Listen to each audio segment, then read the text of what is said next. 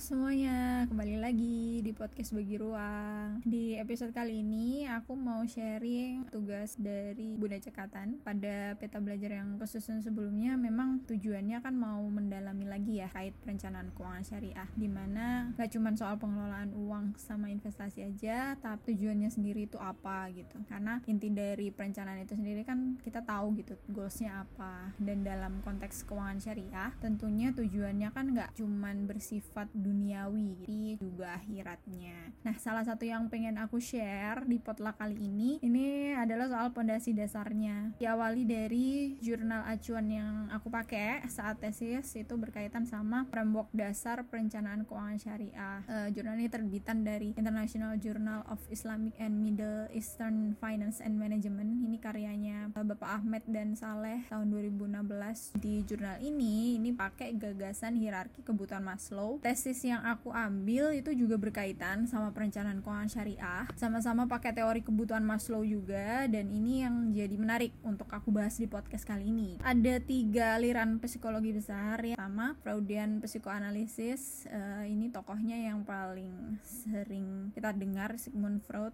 Ini berangkat bahwa manusia itu digerakkan oleh libido. Jadi jika masuk ke pendidikan seolah-olah semua orang itu digerakkannya ya oleh seksual ketika dia bekerja belajar. Kemudian muncul antitesa, ada radikal behaviorism. Katanya manusia itu digerakkan oleh perilaku, konsep reward punishment, terus adanya pembiasaan juga. Nah, ini kan juga bukan dari Islam ya, karena uh, memisahkan jiwa dari kehidupan. Nah, ini yang kita rasakan, anak-anak diseragamin. Ada dua golongan, si pintar, si bodoh. Jadi bukan bukan maunya Allah gitu, tapi maunya sistem yang mencetak anak-anak. Kemudian muncul antitesa humanistik psikoanalisis. Nah, ini kelihatannya keren ya, anak-anak nggak bisa nih diseragamin anak-anak itu unik. Menariknya di situ tetapi keburukannya teori ini itu menolak Tuhan. Semuanya kan berangkat dari sekularisme ya. Jadi muncul nih generasi anak-anak sekarang. Hebat karirnya hebat bisnisnya hebat akademisnya tapi jiwanya itu kering gitu. Mungkin bisa seseorang hafal Al-Quran gitu hebat. Tapi nggak punya giroh nggak punya semangat. Kenapa? Karena agama cuma jadi wilayah hafalan gitu. Nggak nggak mempengaruhi gitu seluruh jiwanya.